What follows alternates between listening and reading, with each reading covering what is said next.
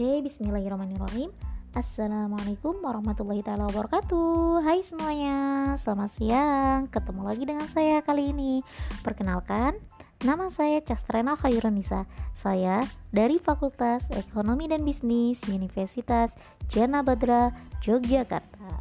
Pada kesempatan kali ini, saya ingin menjalankan tugas yaitu tugas ujian tengah semester semester 3 mata kuliah Sistem Informasi Publik dosen pengampu Pak Ridwan. Oke, langsung saja. Uh, tadi kita sudah membahas topik satu yaitu tentang e-government. Sekarang kita bahas topik dua yaitu tentang model relasi e-government. Oke, uh, di sini ada soalnya yaitu uraikan dan jelaskan poin-poin penting yang kamu peroleh dari materi topik 2. Hai smart people, ini pemerintah terus didorong untuk berinovasi mengoptimalkan kinerja pemerintah dengan memanfaatkan teknologi informasi dan komunikasi sebagai bagian dari upaya pelayanan publik yang lebih baik. Kini, pemerintah telah sadar loh dengan melakukan inovasi dengan memanfaatkan teknologi Salah satunya adalah dengan menerapkan sistem e-government.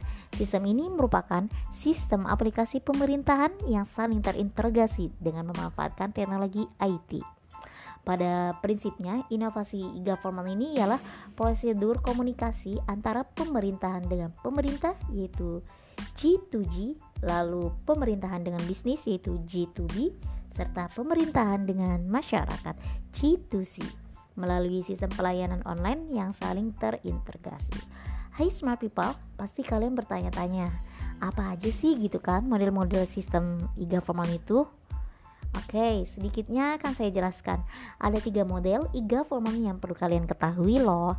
Uh, yang pertama itu ada model G2C, bisa disebut model e-government to citizen, yaitu penyampaian layanan publik dan informasi satu arah oleh pemerintah ke masyarakat.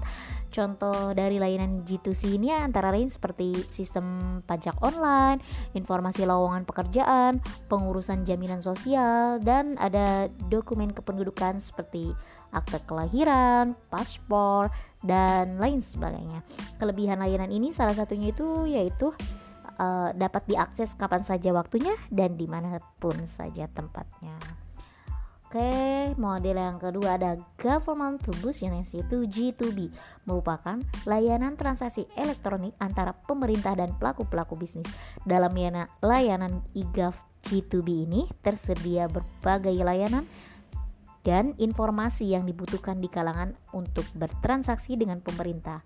Misalnya seperti kegiatan penjualan produk dan jasa pemerintah melalui aplikasi e-procurement online, pembayaran pajak perseroan, serta pengurusan izin usaha secara online. Model yang ketiga yaitu ada model government to government yaitu G2G ialah layanan pertukaran informasi atau data secara online antara sesama institusi pemerintahan dalam suatu daerah melalui basis data yang saling terintegrasi. Nah, layanan yang dilakukan adalah ekspor dan impor data terus informasi kependudukan, tenaga kerja, dan lain sebagainya.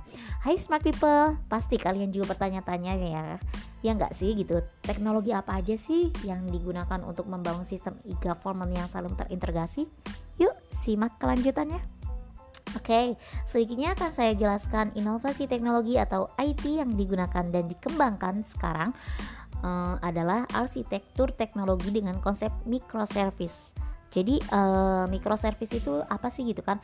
Microservice itu berarti membagi aplikasi menjadi layanan yang lebih kecil dan saling terhubung atau terintegrasi. Ada beberapa kelebihan jika kalian menggunakan teknologi microservice di antaranya yaitu ap, uh, aplikasi scalable, secure, and reliable. Maksudnya aplikasinya itu aman dan dapat diandalkan. Yang kedua, setiap servisnya berdiri sendiri, jadi mandiri gitu. Yang ketiga ada pemeliharaannya lebih mudah. Yang keempat, tidak ada hambatan dalam menggunakan teknologi baru. Dan yang kelima, setiap tim developer dapat mengembangkan setiap servisnya tanpa adanya tanpa ada mengganggu servis yang lain. Oke. Okay. Terus di sini ada soal yang kedua yaitu hal tentang apa aja sih yang kamu harapkan dari materi topik 2 tersebut dan mengapa hal tersebut penting bagi kamu.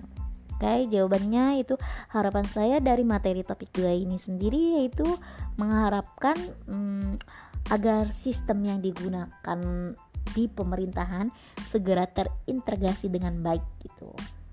Mengapa harapan itu penting bagi kamu? Ya, penting sekali khususnya untuk diri saya sendiri dan untuk kita semua agar kita semua mudah gitu. Mudah untuk apa? Mudah untuk mengkoordinasi satu sama lain khususnya antara masyarakat dengan pemerintahan. Dan soal yang nomor tiga, buatlah tiga pertanyaan kritis yang merasakan kamu terkait dengan materi topik 2 dan jelaskan alasan kamu mengajukan pertanyaan tersebut. Ya, nomor satu, soalnya itu bagaimana jika e-government tidak menggunakan teknologi berbasis internet melalui penyimpanan data terpusat. Soal yang kedua, apa perbedaan antara smart city dengan e-government? Dan yang ketiga, jelaskan apa yang kalian ketahui tentang e-government dari kota Yogyakarta. Oke, mungkin hanya ini saja yang dapat saya sampaikan. Kurang lebihnya mohon maaf karena kesempurnaan hanyalah milik Allah semata. Wabillahi taufiq wal hidayah wastafikum. Wassalamualaikum warahmatullahi taala wabarakatuh. Ketemu lagi di episode berikutnya yaitu episode 3. Oke. Okay.